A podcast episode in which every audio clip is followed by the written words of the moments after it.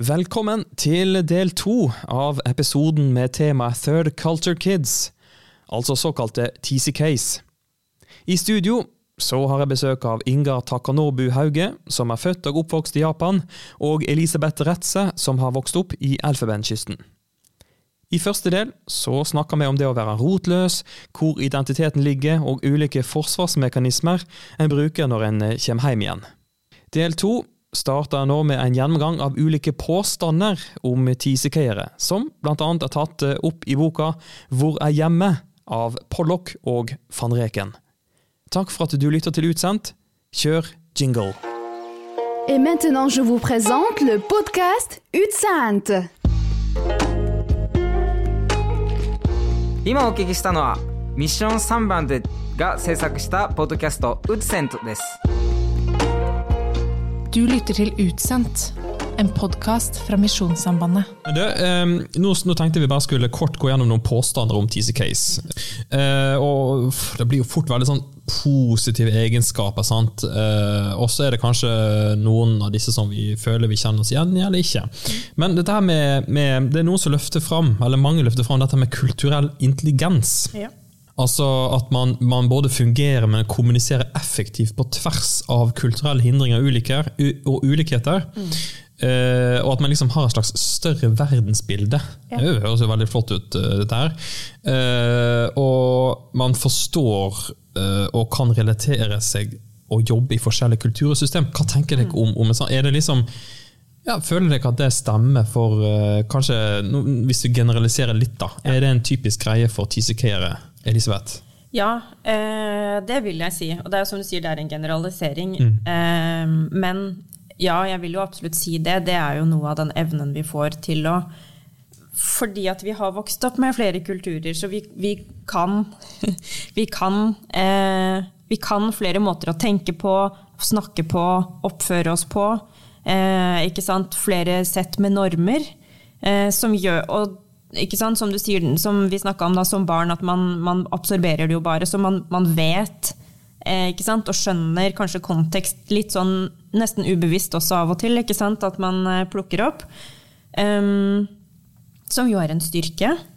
Eh, og og um, eh, ja, som jeg har hatt masse bruk for det. Jeg jobber jo med flyktninger og har gjort det i mange år nå.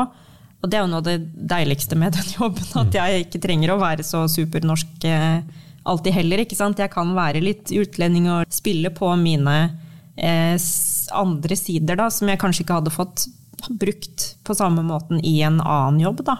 Eh, kjempedeilig. Men jo, du Inga, med dine møter med internasjonale studenter, eh, Ja, har du kulturell intelligens, føler du? Ja, det er alltid farlig å liksom skulle eh, karakterisere seg selv på den måten der. Ja, ja, ja. nei, men altså, jeg tror jo det er en viss sannhet i dette her. Eh, og, men jeg tror jo det er en sannhet med modifikasjoner. Ja. fordi jeg tror jo at eh, visse kulturer har nok lettere hva skal du si, altså mer overlapp med hverandre enn andre. Ja, mer Eh, overførbarhet, Ja, mer overførbarhet, ja. Ja. Altså, jeg, jeg vil nok eh, ha en viss si, kulturell kompetanse når det kommer til i møte med type asiatiske kulturer, Mm. særlig da østasiatiske kulturer. Jeg sliter nok desto mer hvis det kommer inn i mot f.eks. Minoritetsgrupper i Norge som har mer midtøstlig tilknytning. For eksempel. Der merker jeg mer at min eh, kulturelle kompetanse kanskje skorter litt mer. Men jeg er nok kanskje mer bevisst på at jeg er det, enn det mange mm, holdt jeg på å si, ikke Teasy Case er det. Men, men ikke sant? Da har du allikevel den sosiale intelligensen og den kulturkompetansen. fordi det handler ikke om at du kjenner de sin spesifikke kultur så innmari godt, men du skjønner, og du observerer, og du får med deg. ikke sant? Og det at du skjønner at her er det noe jeg ikke skjønner, hvor kanskje de som har vokst opp ganske monokulturelt, ikke er bevisst. Men du er kjempebevisst, ikke sant? Og det er jo det som er greia. For det er ikke det at vi kan alle verdens kulturer. Er Men kanskje kanskje men kul kulturell intelligens. Ja, Ja. Og, og, jeg, og, og det er jo sånn, en sånn ting som jeg ofte en, en erfaring som jeg tar med meg, som jeg tror mange TCKs tar med seg, er det at det går an å se på ting fra flere forskjellige vinkler. Ja, Eh, det, eh, altså, hvis jeg møter den der med at eh, Å, hvorfor gjør de det på den måten der? Det er jo bare dumt. Alle vet jo at du burde gjøre det sånn og sånn. Så er det bare sånn Ja, eh, nei. Nei, altså det, det, Da har du tatt deg tid til å sette deg ned i deres kontekst, i deres situasjon, i deres mange, kanskje mange tusen år lange kultur ja. og historie. Altså, det er mange komplekse årsaker til hvorfor vi mennesker gjør ting sånn som vi Ja, gjør. ja, ja. Altså, eh, så, så, så jeg tror at den bevisstheten der får man nok til en viss grad altså En, en slags sensitivitet, eller eh, en, en slags spider sense, for å ta liksom, eh, den eh, konnotasjonen. da. Ja, ja. Men kanskje er det bedre å kalle for kulturell sensitivitet eller kompetanse. Intelligens hører jo litt sånn uh, for, for Neste punkt, skjønner dere, er, er TCKs eh, eh, De oppfattes arrogante. Ja, det er vi! Eh, Altså, jeg, jeg, tror nok, jeg, jeg, jeg tror nok absolutt at vi kan være På, på sett og vis kan nok noen av våre eh, holdt på å si, fakter og ting kan nok kanskje oppfattes litt arrogant til tider. Eh, Og noen ganger så skyldes det jo det kanskje at det, det er den der det ønsket om å bli hørt, det Ja. ønsket om å bli forstått, Ja. og den der frustrasjonen når det kanskje ikke skjer, at det, det kan kanskje gi noen holdt på å si, negative utslag.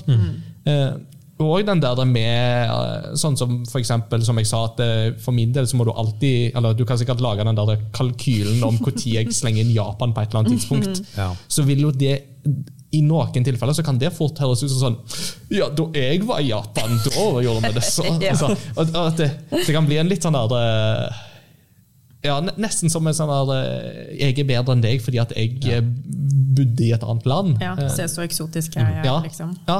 Ja. Mm. Men jeg tror du har veldig rett i det at eh, det For det kan nok absolutt oppfattes som litt ja, arroganse og litt sånn, men at det handler faktisk om et behov for å bli sett og forstått på, på det man har opplevd. Da.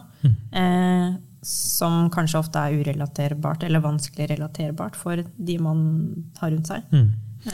Ja, eh, Neste påstand er jo eh, dette her må være sensitivt til mangfold og inkludering. Eh, Og Her skriver jo boka at man gjerne har gått på internasjonal skole, som du Elisabeth. Men har du òg, Ingar, gått på internasjonal skole? Nei, Jeg gikk i japansk barnehage, men så Ja. gikk jeg på den norske skolen Ja, i Japan mens den fortsatt var der. Så, Ja. Men mine søsken, da de kom på videregående, så gikk de på Canadian Academy, som var ved, Ja. rett ved siden av den norske skolen i Japan. Så de har en internasjonal eh, skolegang. sånn. Ja, for Her står det at man gjerne har gått på internasjonal skole, som er et avlsted for multikulturelle, multikulturelle barn Ja. eh, som er desperate etter å passe inn.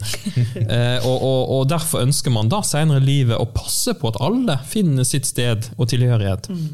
Altså At man kommer inn i et rom og tisikerer, eh, ser kanskje folk med ulike bakgrunn og har lyst til altså De er ambassadører for mangfold. Det er ganske flotte ord, dette her, men, men har det noe ved seg? Jeg tror jo absolutt at det har det. Altså, nå er vi jo i en tid der det er mye snakk om mangfold og inkludering. Ja. Og for noen så kan det bare bli sånn fyndord, eller litt sånn der, og vi skal gjøre det for å liksom sjekke, altså krysse av på de riktige boksene. Mm. Men jeg tenker at eh, fordi det faktisk gjelder, så spiller det en enormt stor rolle at den inkluderinga faktisk skjer. Mm. Og der har jo nok kanskje med TCKS et en litt sånn ervarhet for det, fordi vi har i en større eller mindre grad på et eller annet tidspunkt opplevd den der og ikke helt vite hva bås skal jeg plassere meg i, hva forventes av meg nå, hvor skal jeg være hen. Og bare den der enkle tingen med at, å oppfatte det med at jeg er ikke alene, det går faktisk an. eh, Det, altså, Representation matters, sies det, sies det på engelsk. Og det er ikke bare vakre ord. Altså, det, Nei, det har helt en helt sant. reell betydning. Og Ja. det tenker jeg jo at uh, bare for uh, de som hører på nå, som ikke har en TCK-erfaring, så er jo det Mm. å bare ha gode, tydelige kristne forbilder, har jo en enorm betydning. Ja, klart det.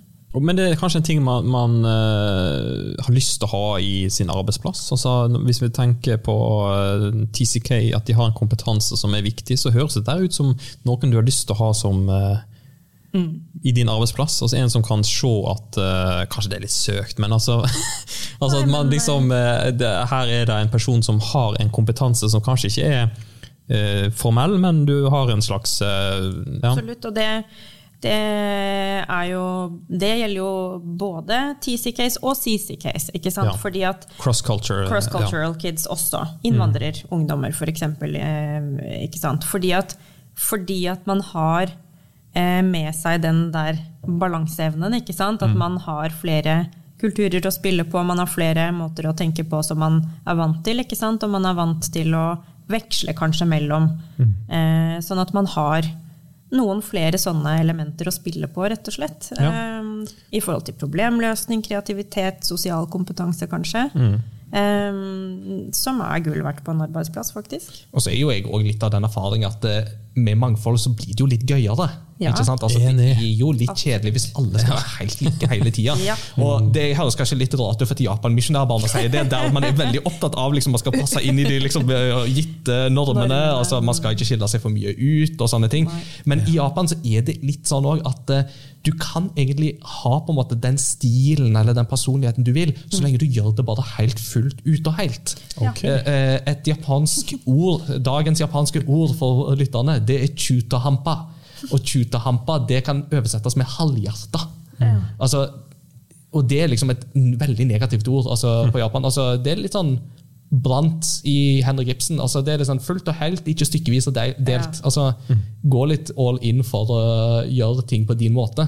Og når man får litt av de der forskjellige impulsene da, så skaper det jo en mer spennende hverdag. Absolutt. Ja. Absolutt. Eh, Kjempespennende dette her, altså. Eh, Neste påstand. eh, Adaptiv og høy toleranse for tvetydighet. Nå må jeg nesten tenke litt på hva det betyr, men, men altså, dette med å være kulturelle kameleoner. Ja. Bygge relasjoner ved å interagere meningsfylt mellom kulturer. Gode på å navigere og tilpasse seg ulike miljø og uvante situasjoner. Ja. Fleksibilitet. Det, er jo, det er jo vanskelig å argumentere mot i hvert fall det med mobilitet og fleksibilitet, men, men eh, ja, jeg vet ikke hva tenker dere? Oftest så er det nok sånn at man, som du sier da, eller som var i den påstanden, at, at det med fleksibilitet er, tror jeg, en ganske gjennomgående TCK-egenskap, som regel. Ja. Ja. Jeg husker jo eh, når jeg, eh, Vi flytter jo fra Elfenkysten til Ålesund. ja. Og bodde der et år, eh, før vi da flyttet til Oslo. Eh, og for meg var det litt sånn at eh, nei, om ikke det var business as usual, så var det liksom ok, jeg, dette her gir meg ikke så veldig mye. En ny flytt En ny flytt? En, ny, en ny flytting. Men jeg, men, men jeg, mange av våre venner de reagerte på liksom, Jeg gidder ikke det igjen, liksom. Altså, uff, eh, de så litt sånn litt mørkt på det, da. For vår, på, på våre vegne. Men liksom oppbrudd eh, Ja. for meg gjorde det ikke nok å tenke på Nei, nå får jeg nye naboer. Ja. Eh, og så er det ikke sikkert det er så veldig positivt heller å ha den holdningen til livet at ja, ja, men ja, man, man har flytta såpass mange ganger at man liksom kjenner til hva som kommer til å skje, og, at, og ikke minst at det kommer til å gå greit. I hvert fall for mange, da. Men eh, ja. ja. Eh, ja, eh, og så Neste påstand, siste påstanden akkurat nå, det er medfødt eh, nysgjerrighet og problemløser. Uh, rotløshet, men nysgjerrig på å finne ut hvor en hører hjemme. Ja, Det er jo sant. Altså, man man blir jo veldig nysgjerrig, kanskje. Ja. Eh, litt usikker på den her, men eh, søker kunnskap og forståelse.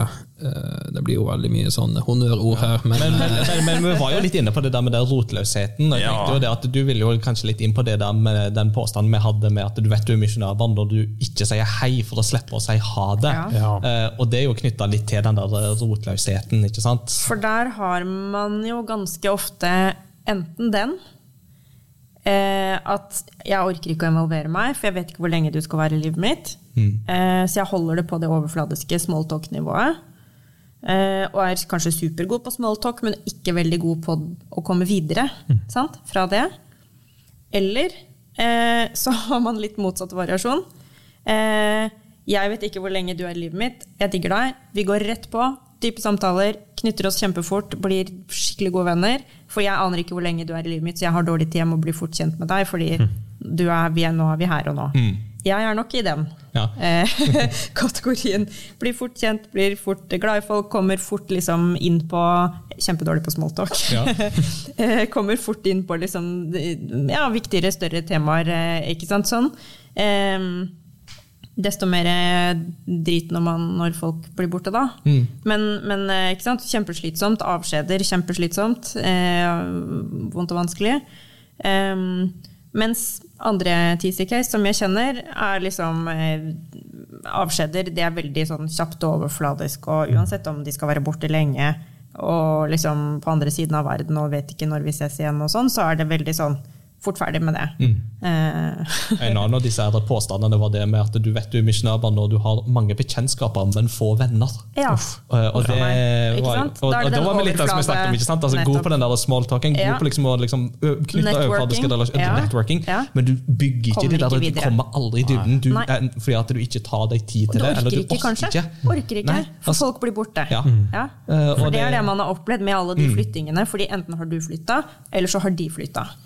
Men, Det er jo expat-livet, ikke sant. så la oss snakke litt om utfordringer eh, nå. For nå har vi jo snakket litt om det som er positivt, og, og faktisk god eh, altså kompetanse som kommer en uh, sjøl til nytte osv. Men altså, ja, er det noen åpenbare utfordringer med å være TCK? Jeg var jo litt inne på det litt tidligere, men det er jo den der følelsen av at du aldri er 100% hjemme uansett hvor du er. At du vil alltid ha den du, du, du kan nok gå litt sånn all in. Eh, Det er jo veldig populært å snakke om i kjølvannet av Descent som var nå i sommer, å gå all in for noe. ikke sant? Ja, Men altså- Descent er altså en eh, stor kristen konferanse i Oslo. Ja, Yes. Eh, Uh, det- det- altså selv om man skulle gå 100% inn for liksom én av sidene ved sin egen oppvekst, så vil man aldri kunne riste av seg sin egen fortid. Du vil aldri kunne riste av deg at eh, den fortida du har med deg, den har du med deg enten du vil eller ikke. Så den utfordringa knytta til hvordan du håndterer det, den vil alltid være vanskelig, for det fins ikke et fasitsvar på hvordan du skal gjøre det. Men du vil kunne ha veldig mange nyttige verktøy for hvordan du skal håndtere det. Eh, Bare det som vi har satt og fortalt om nå med disse erfaringene, er jo forskjellige erfaringer knytta til det. Eh, og jeg tror nok at det, Litt av utfordringa sånn som jeg kjente for min del, var jo som sagt det med at jeg kom til en kultur, en primær kultur som var helt ukjent for meg. Eh, eller ikke helt ukjent, men Altså når du var- flyttet til altså, Da Japan? jeg flytta fra Japan Ja, fra- til Norge, sånn, ja. ja. Mm.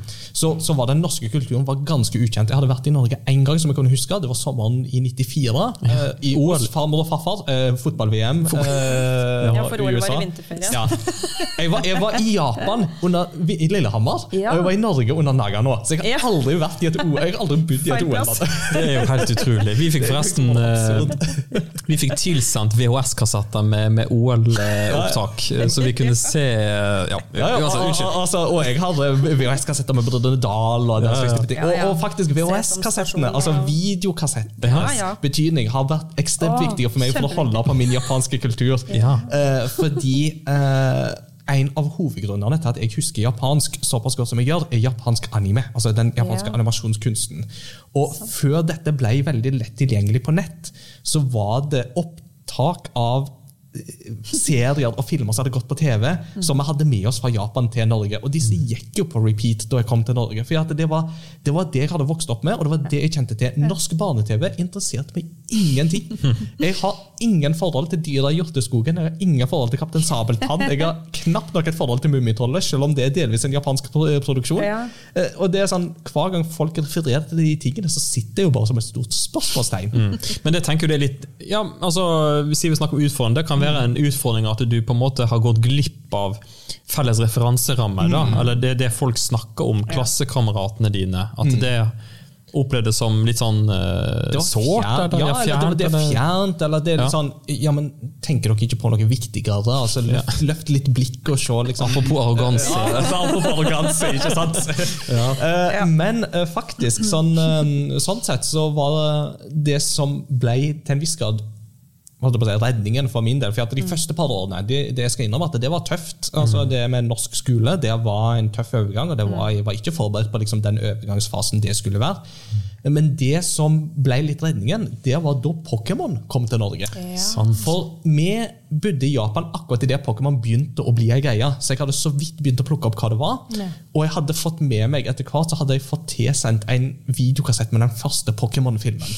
Så da Pokémon begynte å bli ei greie i Norge, da hadde jeg plutselig kulturell eh, holdt jeg på å si, eh, pluss eh, altså, da, da, da, da er jeg i Da var du frampå, liksom. Ja, da var jeg Jeg hadde kulturell deilig. kompetanse. Ja, Ja, ja. Du ble verdifull, Ja. eh, en, en slags Jeg ressurs. ble en ressurs. Ja. Ble en ressursperson. Ja. Ikke sant? Deilig. På, på tvers av kulturer. Og da var det liksom bare å komme inn liksom, med erfaringene. Var, så, så det var en Ikke sant? Da var du plutselig innafor. Ja, da var jeg innafor. Så det å liksom klare liksom, å finne de der eh, det å finne den balansegangen der mellom de kulturene du har. altså Hva skal du dele med andre, hva skal du ikke dele med andre? Hva skal du ta til deg, hva skal du ikke ta til deg? Det kan være veldig vanskelig. altså, Og det er nok en utfordring som jeg tror vi aldri blir ferdig med. Nei. Men du snakket litt om det var vanskelig å komme til Norge med, med skole og sånn. Ja. Men det også kan vi jo kanskje trekke fram som en utfordring, dette med å stadig vekk, med tanke på et utdanningsløp. da, mm. At man, man, man eh, opplever at eh, det er mye oppbrudd, at eh, ja, det kan skje noe i barns uh, læring. da. Jeg vet ikke hvordan du opplevde det, Elisabeth. Den verste gangen å komme tilbake til Norge sånn tilpasningsmessig, var eh, i femte og sjette klasse, ja. Ja. Fordi at eh, jeg var eldst ute. Vi var to stykker som var like gamle som meg, og resten var yngre. Og da var vi jo fortsatt kjempebarnslige, ikke sant? sammenligna med hva jeg kom tilbake til små tenåringer her, ikke sant? i klassen elleve år eh, gamle. Jeg hadde jo ikke peiling på noen ting av det de var interessert i. Musikk, ingen verdens ting. Vi bodde i en landsby i Afrika, det var jo ikke internett midt på i 93, liksom. Eh, det var knalltøft. Eh, ja. Eh, Så jeg relaterer meg jo veldig til det du sa om det, eh, Ingar. Og, og sant? man er eksotisk og spennende de tre første ukene, og så finner du ut at du har jo ikke peiling på noen ting. Så det var ikke så veldig spennende allikevel. Eh, Jeg fikk venner etter hvert, så det var jo ikke helt eh, svart eh, etter hvert. Men det var, det var kjempetøft, fordi det var, man var så utrolig utenfor på alt det de var interessert i da. Man hadde liksom ikke noe å komme med. Eh, ja. Eh, Jeg har et spørsmål der som jeg av og til har lurt litt på. Ja. Og det er er det vanskeligere for jenter enn det er for gutter. Hva da? Og Det å skulle bryte opp og komme tilbake til en primærkultur på den måten, og så skulle finne sin egen, altså, og, og så, så skulle få innpass, særlig da i skolealder. For en del sånne historier som jeg har hørt, er ofte knytta litt til med at eh, med gutter så er det kanskje om å gjøre liksom, å finne den tingen som man altså, Er det fotball de er opptatt av, så, liksom, okay, så, så havner man inn i fotball. Er det gaminga, mm. så er det gaminga man havner inn i.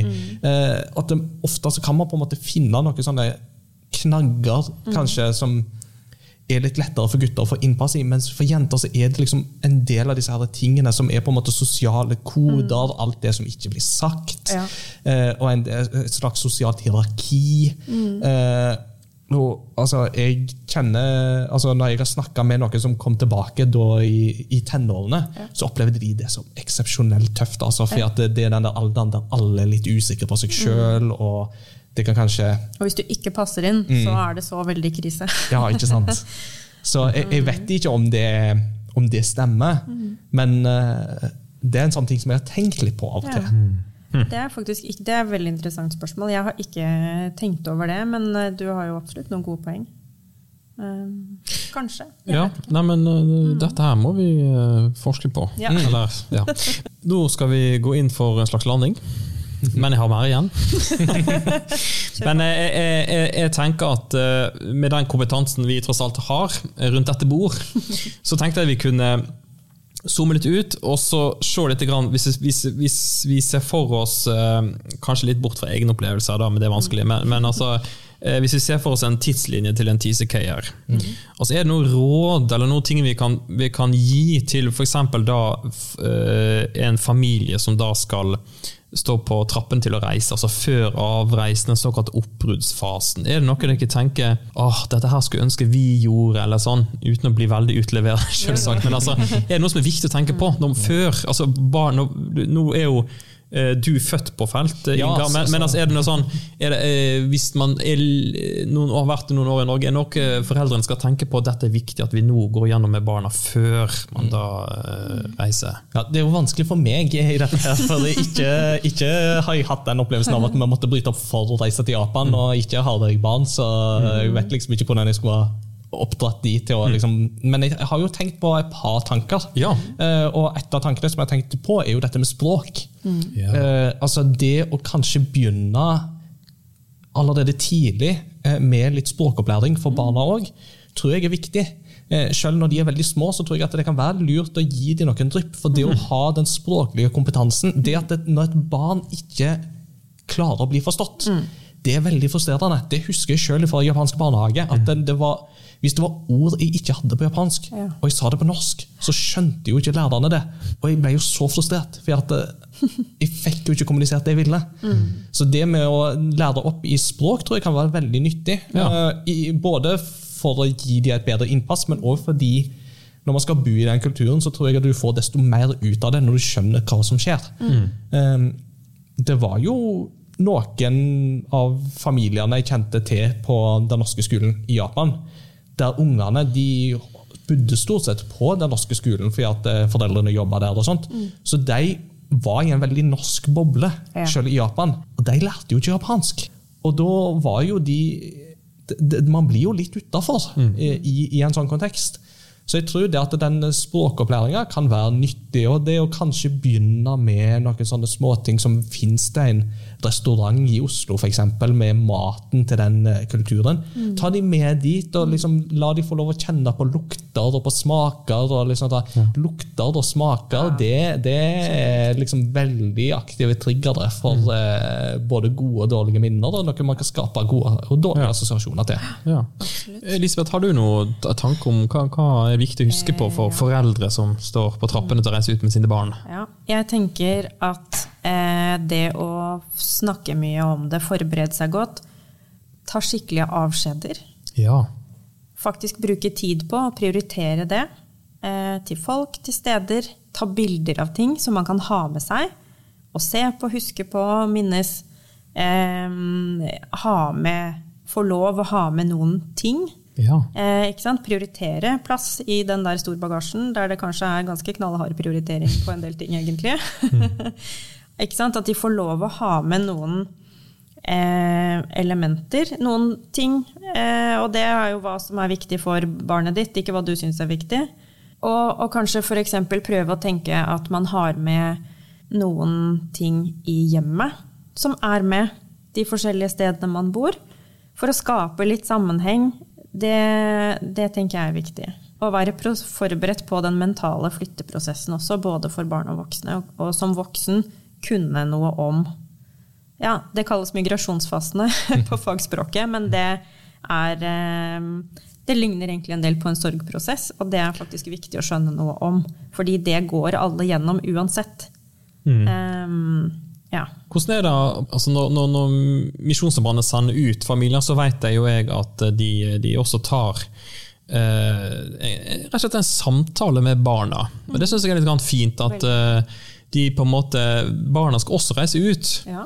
Eh, Det er ikke de som på en måte bestemmer, men, men de er med på, på lasset, sagt litt uh, flossete. Kanskje har vi blitt flinkere til det? Det tror jeg for så vidt, men jeg tenker samtidig at eh, jeg tror nok at man har mer å gå på.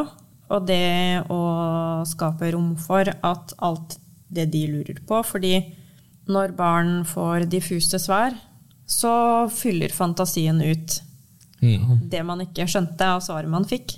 Og så blir det kanskje mye rarere eller verre eller vanskeligere scenarioer eh, i fantasien enn det realiteten er. Så konkrete, tydelige, aldersadekvate svar på ting de lurer på. Eh, kjempeviktig. Eh, og rom for at de skal få spørre om det de lurer på. Ikke sant? Hva de tenker på. Er det noe de mm, syns er skummelt eller gleder seg til? Eller ja, hvordan tror de det blir? Har de noen spørsmål? Ikke sant? Alle sånne ting. Ha rom for det, og bruke tid på det. Ikke begynn med det to uker før man drar. Sant? Det er ikke, det er ikke god tid. Jeg, jeg tror at mm. det, det som du er inne på der, ikke sant? det at barna får lov å stille spørsmål og få svar på sine egne premiss, Ja. tror jeg er kjempeviktig. Eh, Og Noe som jo kan faktisk være litt forbilledlig der i en norsk kontekst, var jo nå under eh, da vi hadde koronapandemien i Norge, Ja. så hadde jo Erna Solberg Ja. egen pressekonferanse for barna, Ja. der barna sjøl fikk sende inn spørsmål. Og, altså, og da satt jo Vi var flere som satt og tenkte at tenk så bra at norske statsministeren tar seg tid til barna. altså, det hadde de nok ikke gjort i Japan, for å si det sånn. Dessverre. Mm. Det er mye vi kan si om eh, familiehierarkiske strukturer og sånt mm. der. Eh, Men eh, det er Altså, det viser verdien, da. ikke sant? Som du sier, ikke sant? at eh, hvis ikke barna får svar, så begynner de å lete etter de voksne svarene. Men de voksne svarene er ikke alltid tilpassa barna. Sant. Eh, og da Man skal ikke kan alltid ha de voksne svarene. Nei, man skal ikke alltid ha det. Man, eh, alt er sin tid, og eh, ting skal på en måte tilpasses Ja. det, det, det verdensbildet og den forståelseshorisonten som man har. Mm. Men barn kjenner på følelser. Barn er ikke dumme. Eh, barn er veldig veldig oppegående og veldig smarte. Barn plukker opp Barn plukker opp at det er ting som skjer. Ja. Og hvis ikke de får svar, så tar fantasien over og svarer. nettopp. Ja. Hvis vi nå tenker på uh, dette her med hjemkomst, da gikk jeg veldig fort fram her, kjente. Men, men uh, jeg føler vi har hatt en utrolig interessant samtale. Ting har liksom gått inn i hverandre. og veldig spennende. Men, men hjemkomst, uh, Elisabeth, kan ikke du forklare litt om For du er jo involvert på frivillig basis i et kurs som Misjonssambandet har for hjemvendte eh, misjonærbarn. Ja. Kan En norme som har, er arrangør. ja, superkort. For, bare Gi oss en liten sånn innføring. Hva er dette kurset for noe? Ja, det heter Inn for landing. Eh, første Inn for landing ble faktisk organisert i 1997. Ja. Så det har egentlig eksistert i mange år. Eh, den gangen eh, var det arrangert hvert år. Siden 2004 kanskje, eller noe rundt der omkring, så har det vært annethvert år. Eh, det er et seminar slash leir over flere dager, hvor TC Case, misjonærbarn, via Norme Norme er eh, hovedarrangør. Jeg sa vel at det var Eh, beklager det. Altså, det de er er, sterkt inne, men det er Norme som er Norme, ja. hovedarrangør. Ja. Mm. Men eh, NLM har vært flinke til å prioritere innenfor landing. Det Ja. har de vært. Em, Og da, og da kommer det barn på det kurset? de, ja, det Eller ungdom, er, barn, ungdom. Ungdommer, Ungdom. ikke barn. Mm. Ungdommer. Eh, de må være gamle nok til å få reflektert godt nok og ta inn temaene. Da er det kurs, det er undervisningsbolker. Eh, Med oppgaver som skal skape refleksjon, skape, få en prosess Mm. på flytteprosessen, eh, normalisering av reaksjoner, det å få kjenne på Eh, altså jeg har jo nevnt en del av tematikkene her. Det er landingsstiler der, og hvilke forskjellige overlevelsesmekanismer bruker man? Ja. sosialt. Eh, hva er helt normale reaksjoner på de tingene man går gjennom med flytteprosess, med tap av relasjoner, brutte relasjoner, sorg, eh, savn, ikke sant? tilbakekomst. Eh, eh, vansker med å passe inn i kultur, kanskje, ikke sant, som man ikke eh, skjønner helt, eller ja, alle Mm. Ja. de tingene der. Og ressursfokus. Ja. Ikke sant? Det er det viktigste. Altså ressursfokus, at, hvordan man bruker ja, hva har man som styrker Ja. av en sånn oppvekst, som man kan bruke? Eh, ikke sant? Som vi har vært mye inne på her også. Fordi det er jo kjempeviktig å få på en måte sett på at men hva har jeg med meg som er bra, som er en styrke, som er positivt? Ikke bare på en måte Stakkars deg, så mye vanskelig. eh, vi skal snakke om det også, og man skal få prosessere det også. Ja. Eh, og få satt ord på ting, og kanskje få satt ord på ting som man bare har gått og følt på, men ikke helt fått formulert ikke sant? eller plassert sjøl. Eh, og det fellesskapet, ikke minst. Det er en kjempedeilig boble å være i. Ja. det syns vi lederne også. Alle lederne er også misjonærbarn selv. Eh, Det er kanskje litt terapi også for dere Ja, kjempedeilig. Ja. Ja, nei, men Vi Ja. Mm. gleder oss jo hver gang, fordi at det er en, eh, en eh, deilig setting å være i. Fordi alle skjønner. Mm. Em, og det er kjempefint. Og det er også den opplevelsen av det fellesskapet er utrolig bra. Mm. Ja. Så er det mye aktiviteter som er knytta til tematikken, også både med filmkveld og med ja, bønnevandring og sånn, men der er vi også obs på at em, det med Guds bilde kanskje ikke alltid er så lett, for Gud er den store paraplyen over utsendelsen og hvorfor Sant. man har reist ut, og den store udiskuterbare kraften av liksom hvorfor man har gått gjennom alt dette her. Da. Hvis det har vært veldig vondt og vanskelig, eller man er veldig oppi det punktet i prosessen hvor ting er kjempevanskelig, så kan det være et ganske krevende Ja. Eh, med Guds bilde oppi dette her, for man kan liksom ikke diskutere med det argumentet at Gud har sagt at vi skal reise ut. Ehm, som kan være ganske komplisert også. Og det som du er inne på der med gudsbildet, ikke sant? Altså, det er jo kanskje noe vi ikke har snakka så mye om i denne podcasten her, men jeg tenker at det er en ekstremt viktig tematikk Ja. eh, for misjonærbarna og for TC Case å få formidla. Ja. Eh, altså, vi sitter nå tre stykk her, og min erfaring er jo at eh, stort sett så ser vi på det vi har opplevd som for det meste en ressurs, og for det meste som noe som vi, vi er glade for at vi er en del av vår identitet og vårt liv. Det er ikke alle som sitter med den opplevelsen. Nei. For mange så er dette veldig vondt. Det er veldig vanskelig. Det er mye smerte, det er mye sorg, det er mye sinne. Og man skal jo ikke langt tilbake i misjonshistorien før vi, har, vi har disse historiene om de som opplevde ting som de ikke skulle ha opplevd i disse situasjonene. Ja. Med da Gud som den store paraplyen over dette hele. Det gjør noe med et menneskesinn som en ikke bør oppleve. Og det å gi uttrykk for at eh, den opplevelsen du opplevde der, det var ikke greit, og det er lov å kjenne på de følelsene du kjenner på, det tenker jeg er veldig viktig. At eh, vi òg, når vi sitter og snakker om dette, her, uttrykker at det vi sitter og snakker nå, det er jo ikke en fasit. Nei. Nei. Eh, Det er jo våre opplevelser for dette her, men det er for meg viktig likevel å presisere at for de som ikke har de positive opplevelsene, at det er helt greit. At du ikke hadde de opplevelsene. altså At du kjenner at det ikke var greit, det er helt greit. Absolutt. Ja, men eh, kjempe, Kjempefint sagt. Eh, viktig å, å løfte litt det perspektivet opp. og eh, ja, Det kan være at det er tema til, til en annen episode. Dette her med virkelig, ja, altså kallstanken og alt dette her er det, det, det er mye å snakke om. Da tror jeg vi går inn for landing. Veldig spennende og lærerikt å snakke med dere, Elisabeth og Inga. Tusen takk for at dere tok dere tida. Takk for at vi fikk lov å være med. Det Ja, er det- gøy å lage podkast om noe annet enn gaming. Du kan fort bli invitert eh, tilbake, for dette her eh, er en eh, utømmelig kilde, denne tematikken her. Så Veldig stas å ja. snakke med dere om Det er, det er, no, noen, noen ting er det bare gøy å bare Hvis man åpner den døra, så er det vanskelig å lukke den. I redaksjonen sitter også Elise Haugland og Narve Jonas Nystøyl. Og mitt navn er Leif Thomas Gjerde.